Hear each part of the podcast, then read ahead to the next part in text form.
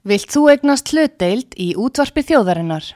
Sendu tölvupóst á hlutabref at útvarpsaga.is eða ringdu í síma 533 3943.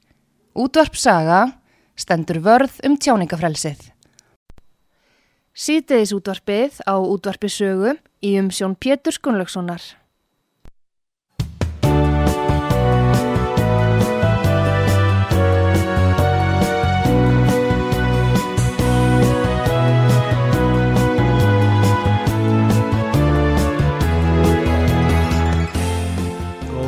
Hlustendur, þér að hlusta á útvart sögu, ég heiti Pétur Gunnlaugsson og ég, gestur minn í þessum þætti er Sara Pálsdóttir, lagmaður og við Sara ætlum að ræða um barnavenda á Íslandi, velkomin til okkar Sara. Já, takk fyrir að bjóða mér. Já, þú hefur skrifað greinar Já. og það sem þú gaglinn tallega barnavendarkerfið á Íslandi. Já, Eh, Hvernig miðbröð hefur þú fengið fyrir uh, út af þessum greinum þínum? um, það hefur verið, það hefur verið mísup viðbröð, uh, kannski mest viðbröðin hefur fengið við þarna pislun sem ég skrifaði síðast þarna blóðuslóð barnavendar á Íslandi hver ber ábyrð og, og hérna, en þau viðbröð sem ég fengið hafa aðalega verið úr, frá samfélaginu, frá fólki sem að hefur meinum að öðrum hætti komið að þessu kerfi verið frá fóreldrum sem hafa verið skjólstæðingar ég hef líka fengið viðbröð frá fóstufóreldrum og, og, og viðbröðin hafa yfirlegt verið þannig að ég hef fengið bæði tölvuposta og símtöl og skilaboð í gegnum Facebook uh, frá fólki sem að tekur undir það sem ég hef verið að skrifum frá fólki sem hefur verið að segja mér sína sögu eða sína upplifun af kerfinu uh, þannig að ég hef yfirlegt fengið mjög góðar undirtæktir uh, frá samfélaginu og skjólstæðingum, þeim sem hafa verið skjólstæðingar barnavendar hérna úti. Svo hef ég líka fengið viðbröð frá uh, barnavend, uh, barnavendin á höfuborgarsvæðinu og, og þeir hafa hérna, komið að máli við mig líka. Hvað var þeir sagt við? Það? þeir bara hérna, hafa líst yfir, bara vilja til þess að, að, að, að gera betur og við höfum bara rætt það sem hefur verið í gangi innan húsið þeim um En hafa mál. ekki gaggrínt það sem þú hefur skrifað? Þeir- Hafa þær fallist á að þetta sé satt og rétt sem þú segir? Sko við höfum svo sem ekkert farin eitt sérstaklega inn í það uh, sumt hafa er vissulega fallist á og, og hérna nei ég hef ekki fengið gaggrinni frá þeim Hefur þið fengið viðbröð frá lagmönnum? Já ég fengi viðbjörn frá lögmannum og það hafa lögmann haft samband við mig og, og, og sagt vera að sammála því sem ég verið að skrifa um og hvart mig áfram. Og ég hef alveg rætt við þó nokkuð margar lögmenn sem að hafa verið í þessu kerfi og mér finnst vera svona, já mér finnst margir vera uh, sammála þessu að, að kerfið sé oft á tíðum um, ekki í samræmi við þær kröfur sem gerðar er í mannréttasáttmála samnið þjóna eða stjórnaskrá eða barnasáttmála eða mannréttasáttmála Evrópusegi og barnasáttmála samnið þjóna þannig að mér finnst alveg, já, vera þó nokkuð mikil samhugur um þetta í, í samfélaginu, spurningin er bara hvað er drifkrafturinn til þess að gera betur og, og hvaðan eiga breytingarnar að koma En hver- auðvitað hættu fleiri lagmenn að gaggrína þetta kerfi eins og það hefur verið reikið. sem Mér finnst mjög mikilvægt að lögmenn láti í sér heyra Já. þegar þeir upplifa það sem verið að brjóta á mannréttindum borgarana Mm. Og, og þegna þessa lands og sinna skjólstæðinga. En þarna vegur náttúrulega líka móti að þetta eru erfimál sem að varða viðkvæma hagsmunni batna Mm. og við erum náttúrulega bundin þagna, þagnaskildu og, og, og þurfum alltaf að fá sérstætt leifi og við þurfum líka að gera þetta með þeim hætt að við sem að venda hagsmuni batnana og, og, það, og það hef ég alltaf vandað mér mjög mikið við að gera þegar ég hef skrifað þessa pisla en, en ég gat bara ekki ég gat bara ekki orða bundist þegar að ég áttaði máði ég fer inn í þessi batnavendamál fyrst þarna í desember 2020 fram að því hafði ég ekkert verið í þessu málaflokki en ég, en ég tók svo sem marréttarlögfræði mínu framhaldsnámi í, þegar ég var að læra lögfræði og, og var ágætlega vel að mér í því en, en fram að því hafði ég ekkert verið í þessu málum og, og ég átti að máði að það var sko hvernig kerfi var og hvernig það skorti öryggi og öryggisventil fyrir þessa skjólstæðinga batnaðendar Nú, grein mín heitir þessi nýjasta blóðu slóð barnavendar á Íslandi, hver ber ábyrð? Sara, hver ber ábyrð? Sko það er náttúrulega sko ég held að samfélagið í heilsinni beri ábyrð og auðvitað er það þannig að þegar að við horfum upp á mannréttindabrót þegar við horfum upp á fjölskyldusundrungu og lögbrót og jáfnvel hegningalagabrót eins og ég er að lýsa þarna í þessum pistli að þá bera allir ábyrð sem að kóa með. Þeir sem að horfi upp á þetta, sjá þetta, ger ekki neitt. Þeir sem að breyða yfir vandan og þessi brot með því að gera ekki neitt jáfnveg þótt að leytast sér eftir þeir byrja ábyrð en auðvitað er þetta fyrst og fremst ábyrð stjórnvalda eh, starfsmanna batnavendar og síðan úrskurðaraðila og domstóla að tryggja að hér sé við lífi kerfi sem að virðir mannréttindi sem að virðir friðhelgi engalífs þessara fjölskyldna sem að þurfa einhver hluta vegna að vera skjólstæðingar batnavendakerfis eins og Íslandi. Og ég er að gaggrýna það harlega í þessu pistli að þessi, þessi ábyrð, það er engin axlaðs ábyrð. Það, maður hefur séð að, að, að dómstólarnir að mínumati treysta of mikið á starfsmenn batnavendar, nefndirnar sjálfar treysta of mikið á að starfsmennin sé að gera rétt. Og það er ekki verið að fara nægilega vel ofin í sauman á þessu. Og þegar ég hef verið að benda á fyrir dómi, fyrir úrskurðanemnd velferðamála sem er sett kæru hérna, aðilega á stjórnsýslu stíi sem að kemur að þessum batnavendamálum að þá er ekki verið að hlusta, það er ekki verið að taka mark á því sem verið er að segja og það er verið að horfa fram hjá þessum mannréttindum og alltaf oft bara staðfesta eitthvað sem á ekki við rauka styðjast.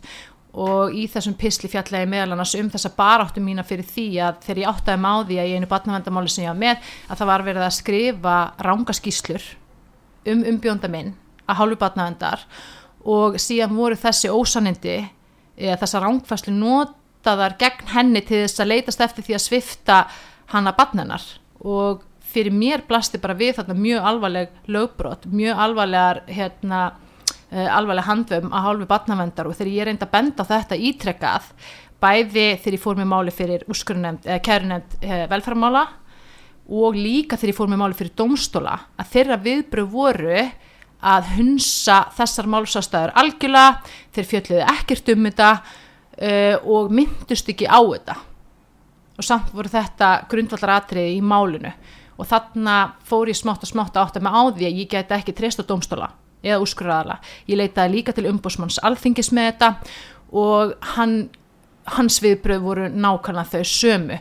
Og þá átt að ég með á því, ok, ef að þessir aðilar ætla að afgreita með þessum hætti að þá hef ég enga aðra leið til þess að reyna að vekja aðtikláðast til þess að reyna að ná fram einhverjum rétti, einhverjum heilbriðum breytingum á þessu kerfin nefn að skrifa óperlega um þetta og í þessu til, tekna tilviki þá kerði ég þetta líka til lauruklu að því að, að, að mínum að þetta fylgur út í sér brot gegn hegningalögum en við bara lauruklur voru að gera ekkert og vísa öllu frá og hérna, ekki eins og hefja rannsók út af þessu. Þú telur að ekki sé hægt und að treysta domstólum í, í barnavendamál? Þú vart að segja? Sko mín reynsla, auðvitað er ekki þetta alhæfa, Nei, en mín reynsla er svo að að aðilar hafa verið að varpa ábyrðinni á að setja allt sitt tröst á þessa starfsmenn og bara trúa því í hálfgerði blindni að þarna sé verið að gera rétt að þarna sé verið að, að, að, að vinna að lögum án þess að fara inn í það að gera þær kröfu sem lögin gera til þess að, að stjórnsýsli framkvæmdi sér rétt, ég menna það eru þarna ákveðinar kröfur í batnavendalögum mm. í stjórnarskræði margættisáttmála uh, í stjórnsýslilögum sem þarf að fara eftir og allt og oft er ekki verið að fara eftir þessu lögum Þú veit að segja raun og verið reglurnar eru til staðar reglurnar eru til staðar en uh, framkvæmdin er ekki samræmi við reglurnar og uh, þeir sem vinna þessu að batnavend að þeir eru raun og veru þeir aðlar sem að ástæði til að gaggrina. Það er að segja starfsmenn barnavendakerfisins, þeir sem kalla sér sálfræð, eh, fagaðila, hvaða, hvaða fag sem það er, þetta eru félagsráðgjafar, margi hverjir, Já. og uh, það sem þeir ger og segja í skýslum, það er tekið fyrir sem gott og gilt og hvort sem það er stjórnsíslan, stjórnvöld eða, eða domstóla, líta þessu á að allt sem kemur frá þeim er satt og rétt og ber að taka til til þess engungunarnast já, já. Það, það er svo upplýst sem ég fengið of oft, er, nú er ég ekkert alhafa um þetta.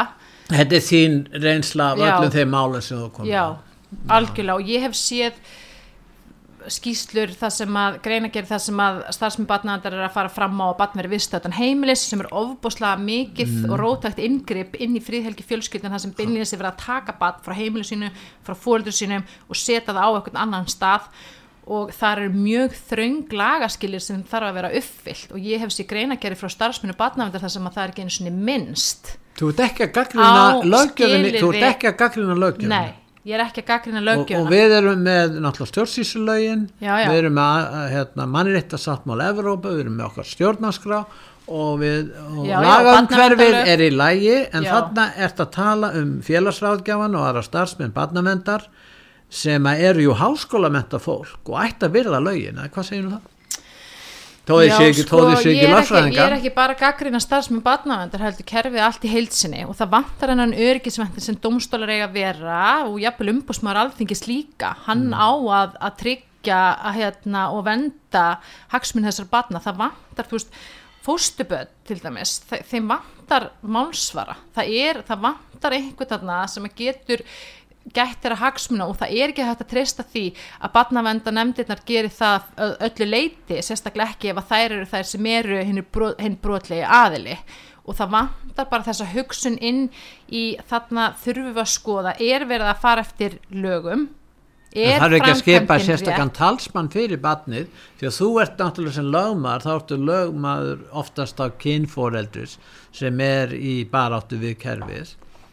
Já, algjörlega, jú og það er alveg í, í við, við skoðum bara Maréttasáttmála Evrópu, Batnarsáttmála Saminuð þjóðana og við skoðum bara lögskyningagögn sem að koma til dæmis frá barnaréttanemnd Saminuð þjóðana hvernig hérna ber að tryggja hagsmunageslu, fóstubatna og annar batna í kerfinu. Og þá er oft gerða kröfur eða fjalla um það að það þurfi að vera einhvers konar talsmaður, einhvers konar réttageslumaður einhver sem kemur fram fyrir hönd bassins að því oft lendi batni þarna á milli hagsmuna, kannski tveggja foreldra eða þá kerfisins annars og hins vegar foreldris og það vantar eitthvað til þess að tryggja þá hagsmuni En það sko, á sínu tíma var til mannréttar nefnd Evrópu. Síðan var hún lagð af og, og bara hluta mannréttar dómstólum. En það, þeir komist ofta þeirri niðurstöðu að, eh, að það væri ranglega þessu staði, að að Noregur var, var tekið fyrir. Og þeir lögðu áherslu á það að tilgangur með til dæmis umgengni kynforeldris við barn sem hefur verið ráðstafið í fórstur að það væri til þess fallið að samina þjóðuna fjölskylduna nýju. Já, Það væri grundvallaratriði. Já, saminning fjölskylduna nýju. Samanlega því núna erum við með kerfi Já, þar sem að þegar að barn er sett í tímabundið í, í fóstur eða varanlegt fóstur líka eða það sem kallaði varanlegt fóstur þá er ný, lítil sem engin umgengni. Já, þannig að, að tilfinningarteksin haldi ekki. Nei. Þegar að máli fer fyrir domstóla þá segja dómararnir jú það var ekki réttilega staðið að þessu, það eru dæmi um þetta já, en þar sem að fósturbarnið hefur aðlagast á nýjum stað og máli dreigist á langin og þeir geta dreigið máli á langin akkurat. þá ætlum við ekki að hérna að leifa fóröldurinu eða kynfóröldurinu að fá barnið til sín aftur vegna þarf á hagsmuna barsins sem líður vel hjá nýjum fósturfóröldrum og við tökum ekki áhætta að því að barnið fara aftur til þessa þó að það verið ranglega þessu stað. Þetta er eitt atrið sem ég nota. Kannastu við það? Já, ég kannast við þetta og það er mjög mikilvægt að gera greinamun á umgengnismálum annars vegar og hins vegar málum það sem verið er að vista börn utan heimilis Já. eða forsjósvifta fóreldra og það er annað sem ég verið að benda og ég verið að gaggrina rosalega mikið það sem ég til vera mjög alvarleg brot gegn fríðhelgi englís og fjölskyldu fóstubatna og kynfóreldra þegar að umgengni bass, fóstubass við blóðföreldri er takmörkuð niður við tvö, þrjú skipt á ári Já. í örfór klukkustundir í senn og, og, og það og domstólar, þeir hafa í trássi að mínumati við stjórnarskrá og frá. já, vísa þessum málum frá dómi, telja sig ekki hafa vald til þess að hveða á um hvert inntak umgengni fóstubas við blóðfærdi skuli vera og ég er ósamála þessu, það eiga allir rétt á að fara með ágreiningsefni sín fyrir dómstóla Rétt. en þannig er bara búið að búa til eitthvað gat í réttakerfinu þar sem er búið að loka fyrir því En þá þarf að Loka fara með fyrir máli það. fyrir mannréttindadómstól Evrópu til þess að þeir komist að niðurstöðunni um það að, að, að þetta er ágreiningur og allan réttan ágreining má leggja fyrir mál og þetta sé brota á sjöttu grein rétt, uh, sáttmála sem réttláta málsmynd Akkurat. Og, og, og, það, og, það, og þetta er aðeins flóknar en það því að leiðin sem við höfum er að þegar að umgengni fóstubass við fólöldur settir ákveð að þá fyrir þetta fyrst ef það er næst ekki samkomlag þá fyrir þetta fyrir barnavendanemndina mm. barnavendanemndin úrskurðar og það hefur verið bara í framkvæm almenna reglan, tvö skipt á ári í einhverja örfáð klukkustundir í senn Já. og hérna og, og undir eftirliti og undir eftirlita því að það má ekki tala um eitt niður neitt Nei. og, hérna, og síðan ef þú ert fóreldri ósátti þá getur að kært þann úrskur til úrskurðanemnda velferðamála sem getur annarkvort staðfest eða fælt úrskurðinu úr gildi og úrskurðanemndin hefur að mínumati ekki hérna, hún hefur ekki hort á, á reglur barnasáttmála saminu þjóðana, hún horfir ekki á marréttasáttmála Evrópu og hún horfir ekki á stjórnarskrana, hún horfir ekki á þessu grundvallar marréttinda ákveð og laga ákveð sem gilda um réttindi þessara batna til þess að eiga tengslu blóðfórölda eða þá laga reglu sem að er lögfest í batnasáttmála samiðin þjóna sem hefur lagagild á Íslandi. Það þriðja málska nýjundu greina sem fjallar gaggjart um réttindi fóstubatna til þess að umgangast fóreldra sína og það er mjög alveg ég hef verið að gaggrina þetta að sjá kærinenda stjórnsýsustíi sem að lætur eins og batna sem, á, sem hefur það hlutverk að úrskurða um þessi, þessi mannréttindi fóstubatna og lætur eins og batnasáttmáli saminu þjóna sé ekki til, lætur eins og mannréttisáttmála Evrópu sé ekki til eða að það sé ykkur reglur til í stjórnarskráum fríðhelgi engalís og fjölskyldu og hún úrskurðar engungu grundvelli 74. greinar barnavendalaga sem fjallar um þessi réttindi og mín skoðin er svo að tólkun nefndana og þessara úrskurðnefndar á því laga ákveði sé raung. Það er ekkit í lögum sem segir að það eigi að takmarka umgengnum þessum hætti og það, á mínu mati felur það í sig brot gegn friðelgi engalífs og fjölskyldu og það er það sem ég verið að benda á. Nú hérna Sara, þú skrifaði þessa greinar og þessi grein sem ég var að vísi á þann, þar tekur við nokkur mál fyrir, skulum fara í gegnum það það er hérna mál er tengist sjónvarsþætti þetta, þetta, þetta er óvennilegt mál. Já, og kannski rétt að þú greinir frá því. Þannig að eh, það var fjallað um þetta viðkvæmt uh, mál, barnavendamál enga málefni bars í, og foreldra í sjónvarsþætti já, já, og á, ekkert á bara í einum aðal sjónvarpsþætti. tíma á hérna, það sem heitir á ennsku prime time er það ekki? Já, það var sem sagt eh, að halvu stöðatvö voru gerðið þættir sem að heita fóstuböld. Ég hef nú ekki hort á þá alla en hérna en, en þar hefur verið fjallað um sagt, þetta fósturkerfi frá ýmsum hliðum. Og, og þar var meðal annars gerðir ekki gerð þáttur sem að fjallaði um barn umbjónda míns eins og ég lýsi þarna í þessum pistli. Já. og, og það var gert á meðan að, að barn, þetta barn hefði verið vistöðan heimilisfóreldra sinna og það átti að vera að vinna að því að koma barninu aftur til fóreldra sinna. Átti að vera, að vera að styðja við þessa fóreldra til þess að þeir gætu tekið við barninu á nýjan leik. Og einhvern veginn í stað þess að veita þennan stuðning sem að starfsmennu barnavenda bar og var skilt að gera að þá eru starfsmenn barnavendar uh, að gera ásamt þessari sjónvastöð sjónvastátt Það er að taka þátt í áruðstar Já, ég minna það er hægt að líta þannig Já, þeir eru að fegra ímynd sína og réttlæta það sem þeir eru að gera í sjónvarsþætti þar sem engin kemst að nema þeir. sko ég veit ekki hvernig þeir geta talist að fegrað ímynd af því að þeir Nei, eru, meina, þeir þeir eru að bara að því að þ- þessi ímynd sem kemur hérna fram er náttúrulega ekki góð þegar að starfsmenn hleypa sjónvarsmyndavélum og engareikinu sjónvarstöð inn á vist heimili barna Já, en að vegna þess að að þeirra. heldur að það sem kemur fram í þættinum sé bara rétt vinnubröð hjá viðkomandi aðila.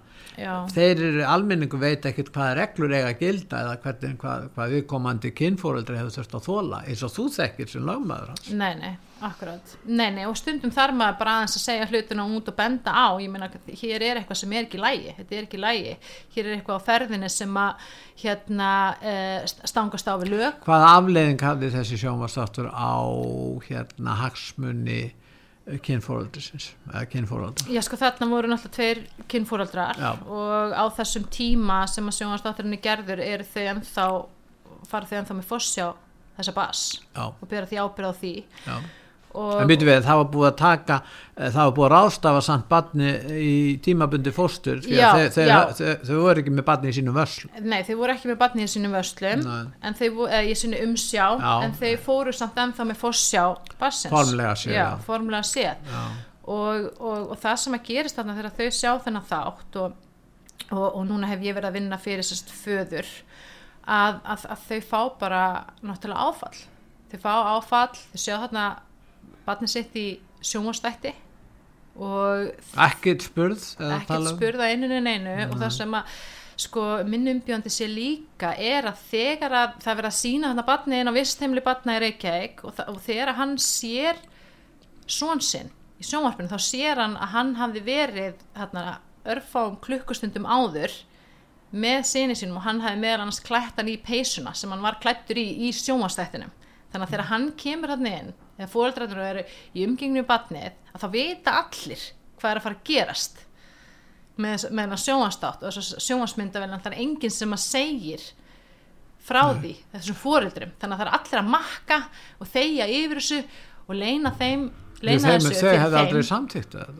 þau hefðu aldrei samþýtt að sjálfsög ekki nei. það myndi, það myndi ekki vegna, fóreldri var, gera það þess vegna var verið að fela þetta. Já, og svo hérna Eðlilega. sjá þau þennan þátt og þau gjössanlega brotna niður. Og maður getur alveg sett sig í þeirra spór ég meina þetta væri algjört niðurbrot fyrir hvern sem væri og þeir sem að stóðu að þessu þeir gátu líka sagt sjálfum sér að, að svo yrði.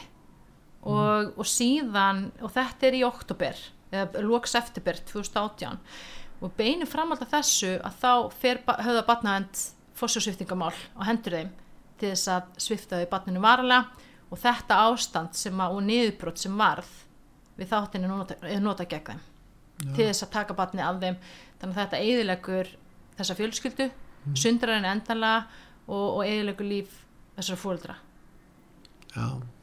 Nú er það þannig að það er ýmsar ástæður sem eru tilgreindar og, og, og það eru til dæmis, það eru vannraksla, það er ofbeldi, það fíknefnanesla. En uh, þegar að fólk er, Já, það var ekki þannig í þessu máli nei, nei, en svona, Nei. eh, þegar við tölum almennt um það Já. og þá leitar fólk stuðnings, þeir fara til kerfisins, félagsmála yfirvalda, kannski Mhm. Já. Mhm. er það fjárhagserfileikar en það mun það sjálfsagt færist í vöxt á næstunni eins og efnahagsástand er hjá okkur Já, já, og þá leitar fólk til sveitafélagsins já, og það er þannig sem að sveitafélagi fer að hafa afskipti af barnum fjölskyldumálu viðkomandi aðla er það ekki þannig sem upplýsingar berast? Mér minni að hafa nú verið þannig hérna. sko það er yfirleitt þannig að það kemur inn einhver tilkynning já, já, svo Til geta verið tilkynningar en það er líka vegna að allir fer að byggja um stuðning Já, og getur greinir frá því Já. hvernig. og það er mjög erfitt sko að, að sami aðilinn sem að á að veita stuðningin Mhm. getur líka verið sá aðili sem að vinnur að því að, að, að ráðstofa barninu annað og það var náttúrulega mjög erfitt að sækja um stuðning hjá aðila sem að menn trestu kannski ekki að þessu leiti Ég held að það sé mjög erfitt að leita stuðningsjóðalum sem þú tristir ekki. Nei og það er það sem er. Já, og ég er alveg sammála því og það er mikið vantröst á kerfið og þeir sem ég hef rætt við og þeir vinnubrið sem ég hef séð hafa bara einfallega orðið til þess að skapa þetta vantröst og það er ekki hægt að þú veist, er ekki hægt að þvinga eitthvað til þess að treysta, þú veist, tröst er eitthvað sem hún vinnur þér inn og það er þannig að þeir sem að er í þessum störfum þurfuðu þetta að leggja sér fram við að ávinna sér tröst skjólstæðinga. Og það er ekki gert með því að koma fram með þessum hætti. Það er ekki gert með því að skrifa skýslu sem eru rángar að Eitt sem að vakti, hefur vakið aðtykli líka að þegar að fólk er kannski miklu með erfileikum og kannski sætti sér við það að barnin, lát, að barnin er ráðstafa annað þá er barninu ekki ráðstafa innan fjölskyldunar til jafnvel þótt að þeir séu innan fjölskyldunar og reyðbúin að taka við barninu sískinni, foreldrar mm frændur og frængur og aðeins Þetta er svolítið engil, hefur þú kannastu við þetta? já, ég kannast vel við þetta og þetta er eitt af því sem að ég hef, hefur trublað með verulega af því að eins og þú bentir réttilega á áðan þá hefur Marréttadómstóll Evrópu e, ítrekka sagt að samanning fjölskyldunar og lögin eru þannig líka. Og þess vegna þarf að vera umgengni til Já, þess að geta saman já, að þess að vera til að rjúfi ekki tilfinningatengsli milli kynfóraldris og Nákvæmlega. Og það er beinlýnis kveða um það í batnarsáttmála saminuð þjóna ef, ef það er lífsnöðsun að aðskila bat frá fóldrum þá verður það að tryggja að þessum tengslum sé viðhaldið og þeir eiga, beintengsl og reglulega umgengni við blóðfóldra og þess, þessu er ekki fyllt og, og, og það sem meira er oft er þessu börn tekin þeim er ekki ráðstafað til annara í fjölskyldu, það oft er það gert en alls ekki alltaf og það er alls ekki lög, nógu mikil áhersla á að það sé gert Er það oft gert? Það, það hefur oft reynst þannig að, að fjölskyldan hefur lagt höfuð áherslu á að einhverju fjölskyldinu fengi það. Já. En þá bara hafa menn sagt nei við því. Já, já. Vegna þess að þeir halda því fram að við komum til fjölskyldaðali muni láta kynfóreldri vera með allt og mikla nálægð við barnið Akkurat. sem að ráðstafa til annars. Og, og, og eins og það sé eitthvað slæmt og fræðilegt fyrir barnið það að er svo það sé verið að, að venda barnið frá því að frá, að því að það sé svo hræðilegt og, hérna, og, það, og, það, og þetta er alveg rétt og, og þetta er mjög alvarlegt af því að þetta stríðir gegn öllum markmiðum lagana og mannréttinda þessa bass Mm. að samanast aftur fjölskyldu sinni það á að gera allt sem hægt er að gera þegar að búið er að aðskila barn frá fóreldrum til þess að vinna því að koma barninu aftur í umsjá fóreldra og hafa sem mesta nálægð bassins við fóreldrana og yfirleitt er þetta fóreldra sem að eru að glíma við vímuefnavanda og geta þess vegna ekki uh, tryggt uh, öruga, hérna, örugt umhverfi eða heimili fyrir batnið og, og, og að meðan að það vera að vinna því að hjálpa þessu fólki þá þarf að hafa eins mikla og ríka umgengn og mögulega hægt er. Og það er mjög mikilvægt að reyna að koma batninu fyrir hjá ömmum eða öfum eða sískinum fóldra eða einhverstað það sem að það hefur mikla nálaði við stórfjölskylduna sína. En í staðis að gera þetta að þá er bara batnið oft tekið og því ég jafnvel plantað einhverstaðar hinum minn á landinu. Já, já, hjá það- okkur um það rétt, fóstufóreldrum það það tekið úr leikskólanum sínum það er tekið úr sínu nánasta umhverfi frá fóreldrum, frá heimili frá stórfjölskyldu og niðurstan er svo að það að ef að fóreldrarnir eru síðan fossjósviftir að þá fá börnin að hitta fóreldrar sína kannski tvísura ári undir eftirliti nokkra klukkastundir í senn að það fá að hitta um og afa einu svona ári í tvo klukkutíma. Og, og, og síðan þegar börnin sína ofbáslega mikla áfallastreitu og mannlegan í kjölfarið að það búið að slíta öll tengsl og rífa þau upp með rótum og planta þau einhverstaðar í einhverjar gerfi veröld sem barnavendi búin að skapa fyrir þetta barn að þá er bara sagt, já, barnið er koma úr svo erfiðum aðstæðum, en það er ekki verið að horfa á þetta tráma, þetta áfatt sem er gaggert verið að valda barninu með því að rífa það upp með rótum frá öllu sínu nánastu umhverfi, frá ömmum og öfum, þú veist, ég og tvo unga drengi og þeir dýrka ömmu sína, þú veist, ef þeir fá ekki að hitta, er ekki búin að hitta ömmu sína í tvo þrjá daga, þá bara langa ömmu, langa ömmu, þú veist, þeir elska að hitta ömmu sína og ég get ekki ímynda mér bara það ef að það kemur ykkur aðil og sagði þú, að þeir fengi ekki hitta ömmu sinna nema einu svona ári í einn klukkutíma, tvo klukkutíma hvað áfalli verið að valda þessum börnum, hvað áfalli verið að valda En amman fær, en amman fær enga öfum. Já, Amma fóreldis, amma hérna bassins, fær enga, og ég spurði einhver tíman, kerfið, af hverju er umgengni svona lítil? Þá sagður að rannsóknir bentu til að þetta væri best og þá spurði ég hvaða rannsóknir eru það Já. þá var svarið, er rannsóknir hafi ekki verið bystar og ég veit ekki hvaða kaknir í óbystum rannsóknum en svona eru svörin Já. en það er engin rannsókn sem Nei. að styður og þetta Nei. getur ekki stutt að sjónamið Nei. að stöðla að saminningu nei, fjölskyldunar og þetta er brot gegn 8. grein mannréttasáttmála sem, sem kveður á um Já. friðhelgi fjölskyldunar og Rétt. þetta fyrir líka í þessu brot gegn barnasáttmála saminuð þjóna og þetta er skadalegt fyrir þessu börn það er verið að valda þeim varanlegum skada og áfalli og allir í fjölskyldunni líka blóðföröldrunum líka ömmu, líka afa og, og, og frænd fólki uh, sískinum jafnvel sem að hérna, fá ekkert að hitta þetta ball lengur og nú við ætlum að fá hérna auðlýsingalíð stutt Já. en eftir auðlýsingalíð ætlum við að byrja að tala um rétt barsins í þessu máli, hvernig staða barsins er en þið er að hlusta á útvart sögu, ég heiti Pétur Gunnlaugsson og gestur minn í þessum þætti er Sara Pálsdóttir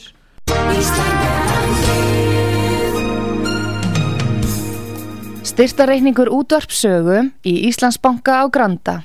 Útubú 513, höfubók 26, reikningur 21111. Nánari upplýsingar á útvarpsaga.is. Takk fyrir stöðningin.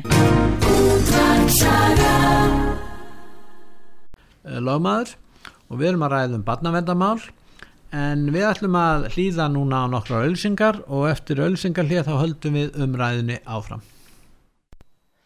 Sýteðis útvarpið á útvarpisögu í umsjón Pétur Skunlökssonar.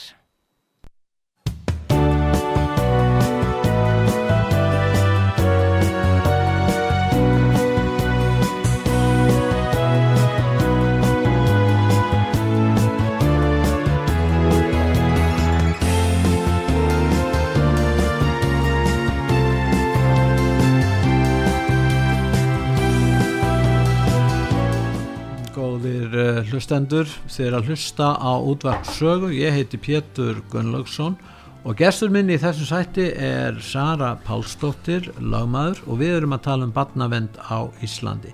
Nú Sara, ég var að tala um það að við ættum að fara að ræða kannski um rétt barsins. Já, Er, við höfum hér samtök sem heitir Barnahill við erum aðlar að barnasáttmálanum barnasáttmála saminuðu þjóðana sem er talin vera svona mannréttinda sáttmáli barna. En uh, þegar á reynir það tala til að að ég að taka afstöðu jákvæð afstöðu til vilja afstöðu barsins já, og ég hef nú orðið vitna því að það hefur nú ekki verið gert á sínu tíma. Ég veit ekki hvernig er í dag, ég hef ekki komið að þessum málum lengi. En hérna varðandi rétt á stöðu barsins mér sýnist svona ef, við, ef maður reynir nú að vera svona já, hlutlaus og reynir að líta yfir sviðið og þá sýnist mér að réttur í raun sko þó að lagalegu réttur á pappirum sé góður já, þá í framkvæmdini er það ekki.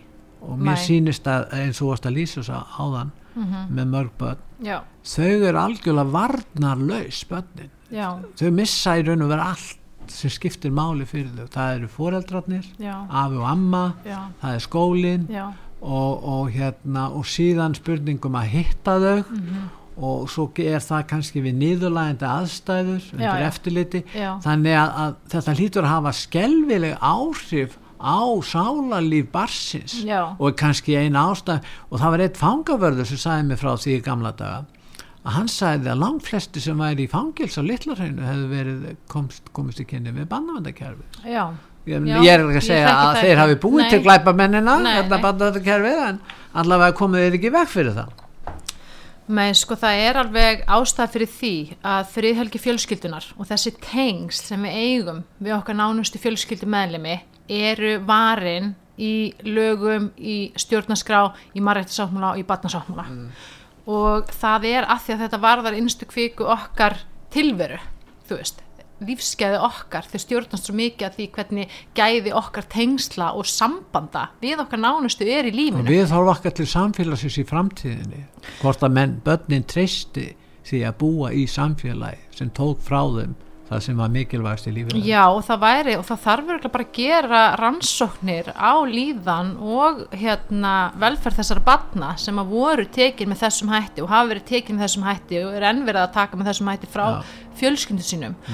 Og það er eitt mál sérstaklega sem að sem að maður fæði bara stingi hjarta þegar maður hugsa um að þar voru tvö pött tekin frá móður sem hafi klingt við e, áfengisvanda og hafi verið hérna sem að hafi verið bara afleng af langvarandi ofbeldi sem hún hafi verið beitt af, af hérna, í sambandi Já. og þar var fyrir hendi í því máli var fyrir hendi e, fóssurhæfnimat þar sem hún var metin mjög fóssurhæf frábær móður, ótrúlega góð móður og tengslinn hennar við börnin voru ofbúslega sterk og mikil og matsmælaði alla áherslu að mætti alls ekki slíta þessi og tengsl. tilfinningatengsl barnana rannsöku sérstaklega. Já, algjörlega. Og, la- og matsmælaði mikla áherslu að mætti alls ekki slíta þessi tengsl. Og það, síðan gerist það að hún fellur á vímefnabindinu og þá eru börnin tekin hún er fossjásveift eða hún er þvingu til þess að afsala sér fossjá fyrir dómi og börnin, börnin eru tekin frá eh, móðu sinni með þessu sterku miklu tengsl þessari góðu móðu sem að eina vandamáli var bara þessi sjúkdómi sem hún var að klíma við. E, þau eru tekin frá hérna af og ömmu, þeir eru tekin frá langömmu, þú veist það var rosalega mikil, mikið og ríkt tengslanett í kringu stórfjölskylduna sem að elska þessi börn út af lífinu og þeim er plantað einhverstaðar lengst hinni minn á landinu hjá nýjum fóstufóröldurum sem að þráðu að eignast barn. Og hérna þau eru tekin frá sk- leikskólanum frá öllu sínu umhverfi og, og, og það er lokað algjörlega á, það eru öll sl- tengsl slitin og það lokað algjörlega á öll samskipti. Þessi börn fá að hitta ömmu sína, langömmu sína eh, einu svona ári eh, einmitt í, við svona aðstæður sem er ekki bóðlar allt undir eftirliti, það sem er verið að hlusta á allt sem er sagt og verið að fylgjast með og þarf að vera inn í einhverja ákveðnu rými. Og, og umgengni barnana við móðu sína var takmörku við tvö skipta ári og, og því hefur Undir breytt eftirlit. núna undir eftirliti, nú er þetta eigi þetta að vera fjögur skipta ári sem að mér finnst samt sem á að vera allt, allt á lítið. Og í skýslum kom glögglega í ljós gríðarlega streyta vanlíðan og áföll hjá börnunum eftir að þeim hafi verið plantað þarna í þessari nýju veröld. Og, og þá hérna sko er eins og þeim sem að sko starfsfólkinu bara skorti innsægi í. Ef að börnunum er afstofa tímabundið eða varanlega. Varanlega og, og það er eins og starfsfólkinu skorti innsægi að sjá hvað er verið að valda miklu tráma og miklum skada á, á þessu börnu með því að gera þetta svona veist, og, hérna, og þetta var það síðasta sem þessi börn þurfa á að halda þegar það hafi verið erfileikur, það hafi verið með fóldi sem hefur klímt í vímöfnavanda er að valda auknu áfalli með að slíta öll þessi tengsl. En nú ef við tölum um réttastöðu barsins Já, nú ef uh, barn er, er afstofa í varanlegt fóstur uh, þá hefur barnið en, eh, enga tryggingu fyrir því að fósturfóröldar hafið þau áfram í fóstur. Sko, þannig að, að fósturfóröldar geta neitað að hafa barnið og skila því tilbaka. Já, já, mér kannast við slík mál. Já, og væri ekki þá eðlast á að setja barni í varanlegt fóstur að barni sé ætlitt þá já, þetta er náttúrulega hálfgerð ætling ég, Já, en, en það er ætliðing sem er sko, sem að tryggir ekki hagsmunni nei, Barnið er í þeirri stöðu að ef að fóstu, þetta er í raun og veru fóstufóldrar til dæmis eru óanæðið með það greiðslu sem þeir fá þetta er borgað, þeir eru mm borga fyrir þetta. Já, já, þetta eru hagsmunir, peningahagsmunir. Já, já, og ef þeir fá ekki borgað eins mikið þeir vilja þá segir já við bara skilum barninu tilbaka já, til dæmis og, og, og hvað stendur þá barnið? Barnið hefur enga möguleika, það hefur engan talsmann, það hefur engan til þess að verja rétt sinn gegn slíku, jábel þótt að farið að aðlagast á nýju, í nýju umhverfi. Búið að taka það úr sínu uppalegu umhverfi. Farið að aðlagast og öðru. Missir það frá sér líka. Ég meina þetta er skeð. Já. og heldur bara áfram ég meina uh, hvaða varnir hefur barnið það er, eh, hver er réttastæða barsins í, svoleiðis við komum nú? Já, þetta er náttúrulega, þetta er náttúrulega flóki, ég hef svo sem ekki verið með svona mál, en það er náttúrulega þannig að það er gerðir ákveðni samningar, sem þetta fórstu samningar. Já, Barnavend fer þá með fórsjá bassins, formulega ef að fóreldri hefur svift fórsjáni og svo er gerðið fórstu samningu við fórstu fóreldrana Já. um að þeir sinni barninu og sjáu um það og hafa hann á heimilu svona að fá eitthvað greitt í staðinn til tiltekins tíma og það er bara samningurinn sem gildir. Og ég þekki ekki dæmi þess uh, hef ekki kynst í að veginn raun að það hefur verið mál þar sem að fórstufóreldrar hafa viljað skila barninu. En þá vantalega fer barni aftur í umsjá barnavenda nefndarinnar sem að fer með fórsjána og er formulegur fórsjáraðali bassins og reynir að finna því einhvern annan, einhvern annan stað. En það sem er kannski í þessu er líka bara eins og þú segir að, að, að hver á þá að hvar, hvað verður þá um tengsl batnin, öll börn hafa ríka þörf fyrir að tengjast fóreldur sínum Já. og eiga rík tengsl við fóreldur sínum og þau eiga þessi réttindir þeirra mannréttindi. Og hvað gerist ef að tengslinn, það búið að slíta tengsl batnana við blóðfóreldra, það er svona þvinguð slit á tengslum og síðan er búið að búa til einhver ný tengsl, eitthvað fóstufóldur og hvað gerist ef að með einhverjum af einhverju ástæði þau tengsl rofna og þá situr batni eitt eftir það hefur hvorki tengsl við blóðfjölskylduna sína og það er eitthvað takmörkuð eða óheilbri tengsl við fóstufóldrana þá eru þau bara svolítið ein skilur En það er í tambandi við umgengnisréttin. Íslendinga voru eiginlega svo þjóð í Evrópu sem að innleiti síðust eh, sko, umgengnisrétt. Þeir voru langt á eftir öðrum þjóðum með það. Og þegar við talum um umgengnisrétt í barnavendamálum, þú ert að tala um þetta eitt eða tvö skipti á ári undir eftirliti, það er þetta skilningsleysi á umgengnisrétti hérna hjá okkur. já, Og, og við sjáum það allans, við, við erum að ísra að ræða ekki, ekki fórsjármál en þar kemur fram líka að fólk, fóreldri á rétt, eða batna á rétt á, á, umgangast báða fóreldrana. En það er ekki tekið alvarlega á mjög og, og ef að annað fóreldrið sem hefur fórsjá vill ekki að hitt fóreldrið hérna fá umgangast, þá getur hitt fóreldrið eiginlega ekkert gert. Nefna það, það, það er bara í þannig stöðu og, og, það meiri sér til félagskapu sem best gegn þessu það er bara þetta skilningsleis og nöðsinn þess að viða og viðukenna umgengnisréttin sem er fyrir badnið mm -hmm.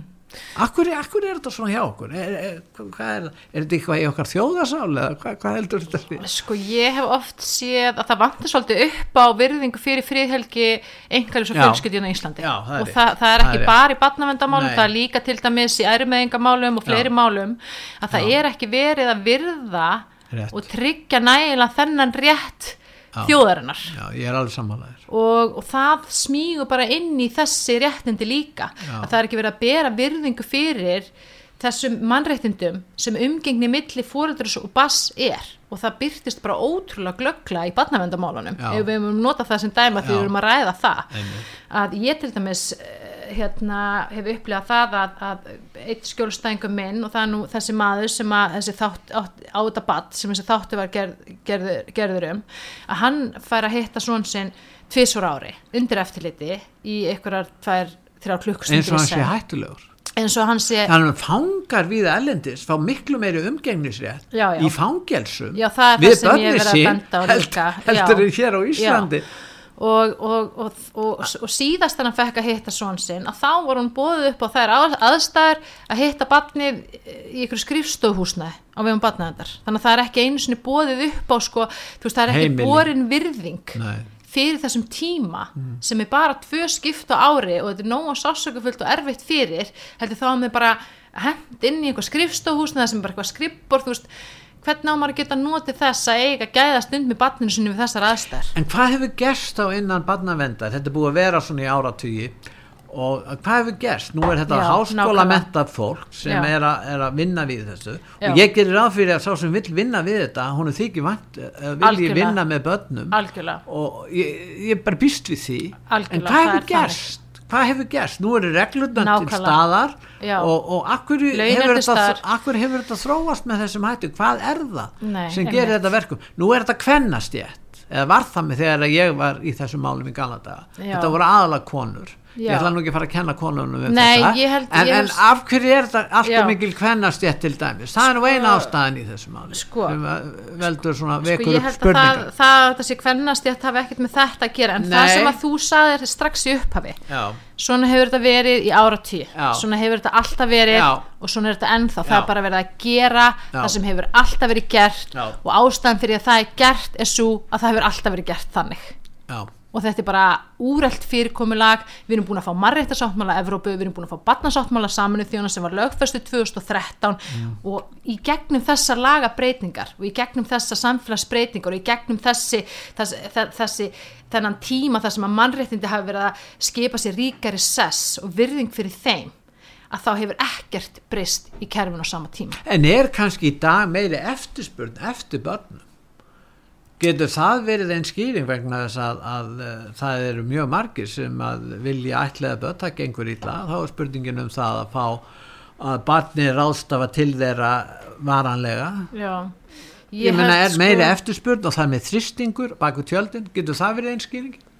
Ég held að það sé, nei, ég held að það sé, ég veit það ekki, en ég held að skýringi sé svo að, við, að þeir sem er að vinna í þessu kerfi nefndirnar, starfsmennir úrskurunend velframála þeir eru bara að gera það eins og þetta hefur alltaf verið gert. Já. en það er ekki verið að horfa nægilega vel á lögjöfuna, á lagaraman á mannréttinda sáttmálan á batnasáttmálan, ég meina hvað er að gerast þegar nefndir batnavendanemndir og úrskurunemndin er að úrskura um rétt fóstubast til umgengnis við fóreldra og það horfir ekki á það laga ákvæði batnasáttmálans sem gildir gaggert um þennan rétt þú veist, það er eitthvað að. Það er brotalöfum í kerfinu og við þurfum aðeins bara að opna augun og við þurfum að fara að horfa meira á þessi réttindi og skoða, er þetta rétt? En það má sem... ekki takmarka umgengni fórstöpas við fóreldri sitt nema þessi bessinlega andstætt hagsmunni basis að umgangast fóreldri og ef að fóreldri er orðið edru, lifi reglusum í lífi og er í lægi, það á þetta fórstöpat ríkan rétt til þess að umgangast fóreldri sitt, til þess að eiga ríktengsl við það og til þess að viðhalda tengslunum sem voru fyrir hendi og ef að búða að slíta það slíta þau, að byggja þau aftur upp. Það er lagalegu réttu bassins En Sara, verjandi kerfi sem segir ég er hér með skýslur frá starfsmanni barnavandakerfis til dæmis verjandi lögmaður sem er að verja barnavandakerfis hann vísar í það og hann segir hérna eru fagaðilar hér segja er þetta, þeir fara stundum með ósannindi, þú talar um það í greinin já, Já, og hann byggir á því, það er ekki tekið mark á því, ég vil þótt að sé sína fram á það.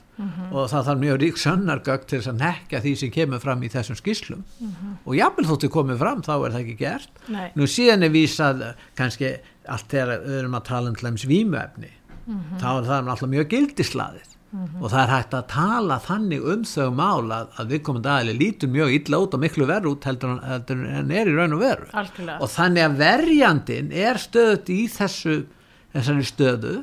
Og, og, og dómarinn þegar hann kemur að þessu hann er tregur að véfengja það sem kemur fram hjá starfsmönnum uh, barnavendanemdar já, og þar með er máli tapað.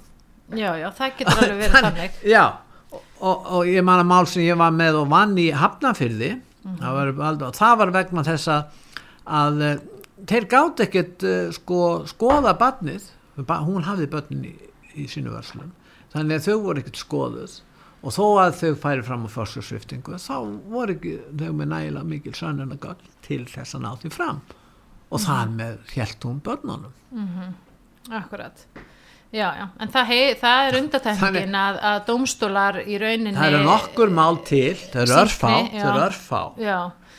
En það heyri til algjör undatækninga Algjöra og ég, mér finnst ég oft skinja sko, þú veist kröfunar sem dómstólar gera til stjórnsýslunar þegar um er að ræða fjárhæslega réttindi til dæmis leifis, að gefa út leifi og annað slíkt Já. eru miklu miklu ríkari Já. heldur en kröfur sem dómstólar gera til þess að það séu faglega vinnubröð hjá barnavend að þau séu samræmi við laun og skilir í laga séu uppfyllt og ég hef oft líst þessu þannig að mér líður stundum eins og þegar ég er með barnavendamál að þetta séu svona vilda vestrið þú veist það er bara engin lög veist, það er allir að reyna að horfa bara á hagsmunni bassins að það er alltaf verið að gefa einhvern afslátt af því að skilir um lagan sér fullnægt. Og það er það sem ég oft sé og það kemur alltaf niður á hagsmunum bassins af því að þá er verið að skapa kerfi þar sem að börn eiga ekki hafi ekki lagalega vend skilur og það er það sem ég líka verið að gaggrina En það er náttúrulega, sko, það er spurningi hvernig er umgangast uh, ákveðnar staðreindir. Það er náttúrulega gerðar, við höfum í réttarkerfinu, eins og veist, ákveðnar kröfur í sambandi við uh, sönnuna vandkvæðin, sönnuna gildi, sönnuna gagn og annað slíkt. já, Þarna er verið að rannsaka málin út frá barnavendanlögu og þá erum við að tala kannski einnig um rannsóknarreglu stjórnsýslulaga. já, já Eh, En í raun og veru eh, þegar við erum að tala um rannsóknarreglu barnavendakerfisins þá eru gerðar miklu minni kröfur um já, miklu vægari sannleikskrafa já, heldur en ger, gert er fyrir rétti. Samt nota dómstólarnir þessi gögn sem að er um staðrindi mála til grundvallar í dómi sínum jafnvel þótt að þau séu fengin með kannski vafasum hætti og eins og segir ekki sannleikan og sangvæm í mörgum tilfellum vegna þess að en, en það, menn treysta því samt vegna þess að það sem kallað er, já, kallað sér fagaðila starfsmaður kerfisins hefur skrifað upp á þetta. Já, já. Og það er nefnilega málið þess að þú bendir á að þessi gögni hafa ríkt sönnanigildi og þess vegna er svo ofbúslega mikilvægt að þessar skýslu séu réttar að þessi vanda vel og þessi Já, það og séu fólki sé er refsað ef að það kemur fram með ranga. Það þarf að vera einhver viðlög við Já, það- ég sammála því. Það verður að, sko, dómstóla verður að bera virðingu fyrir uh, réttakerfinu og það þarf að, að vera, það þurfa, það eru í lögum viðlög við því. Ef að það er verið að skrifa, ef að opera starfsmæður skrifa ranga skýrslur og reynir að svifta fóreldri batt sínu en þeir eru verið að benda á það að það horfa dómstóla bara hina áttina þeir minnast ekki á þetta, þetta er óþægilegt við ætlum ekki að taka á þessu við þurfum að, að einbytt okkur að því að, að, að, horfa hérna hagsmunni bassins og það sem ég hef oft skinjað, hvort sem að það er rétt eða raung skinjun er að það er mikill ótti í kerfinu. Það er mikill ótti og kvíði í kerfinu yfir því að ef að við, að, að, að hjá dómstólum möguleika, ef að þeir staðfest ekki gerði batnavendar þá Já. mun eitthvað hræðilt kom fyrir batni Rétt, og þá er það dómstólarnir sem byrja ábyrð á því. Dómarinn jafnvel það, já, þannig að það er betra að staðfesta Mm. heldur en að þú veist heldur en hitt að eiga hætt á okkur slíku en það má aldrei vera eitthvað, eitthvað sem að stýrir því hver nýðustan verður. Við verðum að horfa lögin, við verðum að gera ríka kröfur til þess að þeim sé fyll og þessi við höf fagleg vinnubröð annars bytt hana bara alltaf á þessum fóstubönnum En hverjir eru það sem er að lenda í barnavendakerfinu? Ég var að tala um það að þeir sem þurft að leita til sveitafélagsins, kannski að fjárhásastæðum, uh, þeir kann- geta lent í því að, að farið er að skipta sér af fjölskyldulífið þeirra og barna uppeldi. En þeir sem er að lenda í þessu eru fyrst og semst fátækt fólk, Já. eða fólk sem er illa statt. Já, og lítið talað um það. já, Ég fullir því að ríka fólkið á Íslandi þarf ekki að óttast barnavendanemnd, svona almennt séð. Ég, ég, sko, ég held að þetta er fyrst og fremst fátætt fólk. Já, fólk sem að já, reyna tristir kerfinu segir satt og rétt frá hvernig ástandi er, ástandi er hjá sér og hérna en er ekki ástöð til að verja sig nægilega vel frá upphafi og hvað segir um þetta? Er þetta fullirðing svona sem er kannski ofdjörf, hvað segir um það?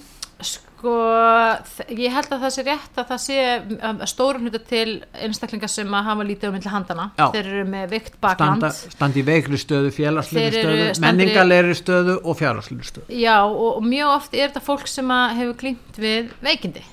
Og það, og það er náttúrulega áfengis og vímöfna fyrst og fremst. já, er- þetta er, er- sjúkdómur Já. þetta eru veikindi og það er hægt að ná ótrúlega góðum bata frá þessum sjúkdómum. Og það er verið að finnst mér uh, oft verið að gera of drastískar aðgerðir að svifta fóreldri varlega fossjá uh, vegna tímabundins vímöfna vanda og hérna og, og setja það í varalegt fóstur um, og þá er bara nánast búið að loka fyrir möguleikunum á því að börnin geti farið aftur til fólksins og fyrst að þetta er þannig að þá er algjört langmark að tryggja mannréttið bassins til þess að umgangast fóreldrar þau geti átt eðla umgengni og fóreldrið er komið í lag og það er ekkit, það er ekkit sem að ógnar hagsmunum bassins að eiga í ríkri umgengni við fóreldrar sem vill ekkit annað en að elska þetta barn og, en það er alveg rétt hjá þér sko, ég meina áfengis og vímöfnum fíkna þegar þeir eru í virkri neslu þá náttúrulega ljúa þeir oft. Það Já. er nú bara starrend og það fylgir bara þessu sjúkdómi og þe- þeim lífstíl sem fylgir honum. Þannig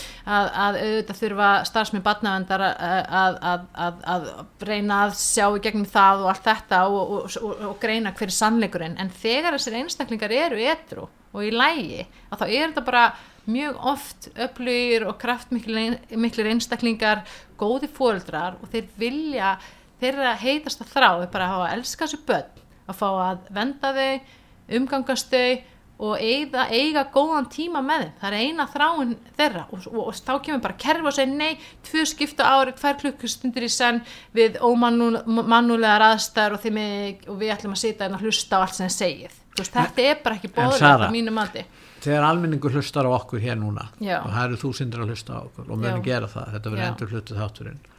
Heldur það að fólk trúi þess ég hugsa margir eigi erfitt með að trúa ástandi sér svo Já, það, sko, það er einmitt það sem ég hef verið að reyna að berjast gegn, af því að ég hef upplifað þegar ég hef verið að setja fram þessar kröfur fyrir úrskur nefnd, fyrir dómstólum, fyrir nefndunum sjálfum, hjá umbúsmann alþingis, að þeir trúið ég ekki að það geti verið eitthvað að hérna Já, á þessu já. fallega dásanlega Íslandi sem að virður öll mannréttindi. Nei, það heiti barnavend það er bara nafnið Akkurat, en og þess vegna skrifaði líka hennan pistil og það var fyrst og fremst þess að benda á ef við horfum á söguna hvernig, hvað segir sagan okkur Já. Það, það, það er blóðu slóð barnavandar á Íslandi, það er bara þannig og það raukst í þessum pistli og ég bendi á ég set, set inn linka inn á rannsóknir og inn á fréttir. Og, og þegar við horfum á það þá verðum við að vera opinn fyrir því að það geti verið að það sé að eiga sér að staði einhver, einhver lögbrót eða marréttabrót og þá þurfum við að vera tilbúin að takast á það. Þeir sem að sópa vandanum undir teppið. Og það er þess að stopna sem ég nefni meðal annars í þessum pistli sem hafi gert í þeim málum sem ég hef verið með þeir bera er en við verðum að, svona, verðum að fara að hætta þessu en það er eitt sko eh, ef að til dæmis barnavendastarsmaður nöðgar barni eða, sem hefur gerst og, og kemur og, og eh, spurningin er eh, ef kemur fram ólöglega eða brýtur á barni, hvernig það er eh, þá er spurningin um hvað kerfi gerir. Já. vill kerfi fela það, gera lítið úr því og við vitum það hvernig með öll þessi vistheimili sem að það tekur marga áratí að viðurkenna hvað Mhm. Akkurat. gerðist á þessum stöðum Já. og hvað er að gerast í dag eru börn, það eru, það eru marg, mörg börn fóstubörn Mhm. sem mörgum börnum fóstubörnum sem hefur verið ástafað Já.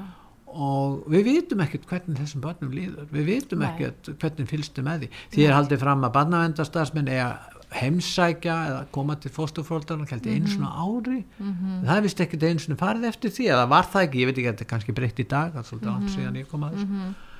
En uh, þetta er svolítið já, þetta er svolítið óökulegt Já, mér finnst það. Ég, hef, ég er ekki ánum með kerfið eins og er. Þess vegna hef ég verið að skrifa þessa pisla. En það skipti, sko ég hef svo sem ekki komið persónlega að máli, málum eða sem lögmaður að málum þar sem að það hefur verið svona alvarleg brot eins og þessi kynfyrirsbrot og... það var eitt dæmdur í fimm ára fangelsi hann var yfirmaður Já, já, á skamtíma, á vist og hann heimili. svaf þar sem heimilismadur með fullt hús af börnum Já, já, og, og þetta er hann nýlegt var, dæmi. já, hann var tilkynntur til, hann var dæmdur hvað 2015 en hann var tilkynntur strax 2008 hann var búin að vinna í sjö ára hann er dæmdur. Já, Eh, sjö ár með börnum. Og þetta voru alvarleg brot. En hann er dæmdur hérna 2020. já fyrir ekki að 2020 Já, já. það tók tíma að fara Já. í gegnum kerfið. Já, en þannig að það líða 12 ár já, frá því hann er tilkynntur. Á 12 árum já, getur hann hafa verið að misnota börn. Já, já, því að það er, mjög, það er frekar sjálfgeft að þessi, börn, að þessi Já. brot já. upplýsist Já, og þessi mál sem að upplýsast, þetta er bara toppurinn á toppnum í ísjöganum. Það er bara þannig. Þannig að við þurfum að vera tilbúin til að takast á við þessi meinvörp í kerfinu en ekki gera það sem við höfum verið að gera aftur og aftur gegnum söguna, bara sópa vandanum undir teppi, breyða yfir þetta og síðan 10, 20, 30 árum setna mögulega skipa ykkur nefnd sem á þetta og þá og þá verða einhverjar skattgreðendur að borga gífulega fjármunni Já. út af þessu löngu. Já, margir hafa dáið og þá er bara búið að vera að, eiginleika líf fólks og það Já. er þannig að það er verið að eiginleika líf fólks í þessu kerfi. Og kerfi sem að eiginleika líf fólks, það er vond kerfi. Já. það er þannig og það er hægt að gera miklu, miklu, í miklu raun og veru eru sennilega hvergi framin eins mörg mannréttabrót í íslensku stofnunum eins og í barnavöndakerfin Já, ég tristi mér ekki til að fullunum það en það var þannig að, að marréttindi og marréttasáttmálum var settur fyrst og fremst þess að venda einstaklinga gegn marréttabrótu ríkisins. Rétt, og við þurfum að hafa það í huga líka. Þakka ég fyrir góða loka orð og ég vil þakka ég fyrir að koma til okkur Sara. Takk fyrir að bjóða og mér. ég þakka hlustundum út var sögu fyrir að hlusta. Verðið sæl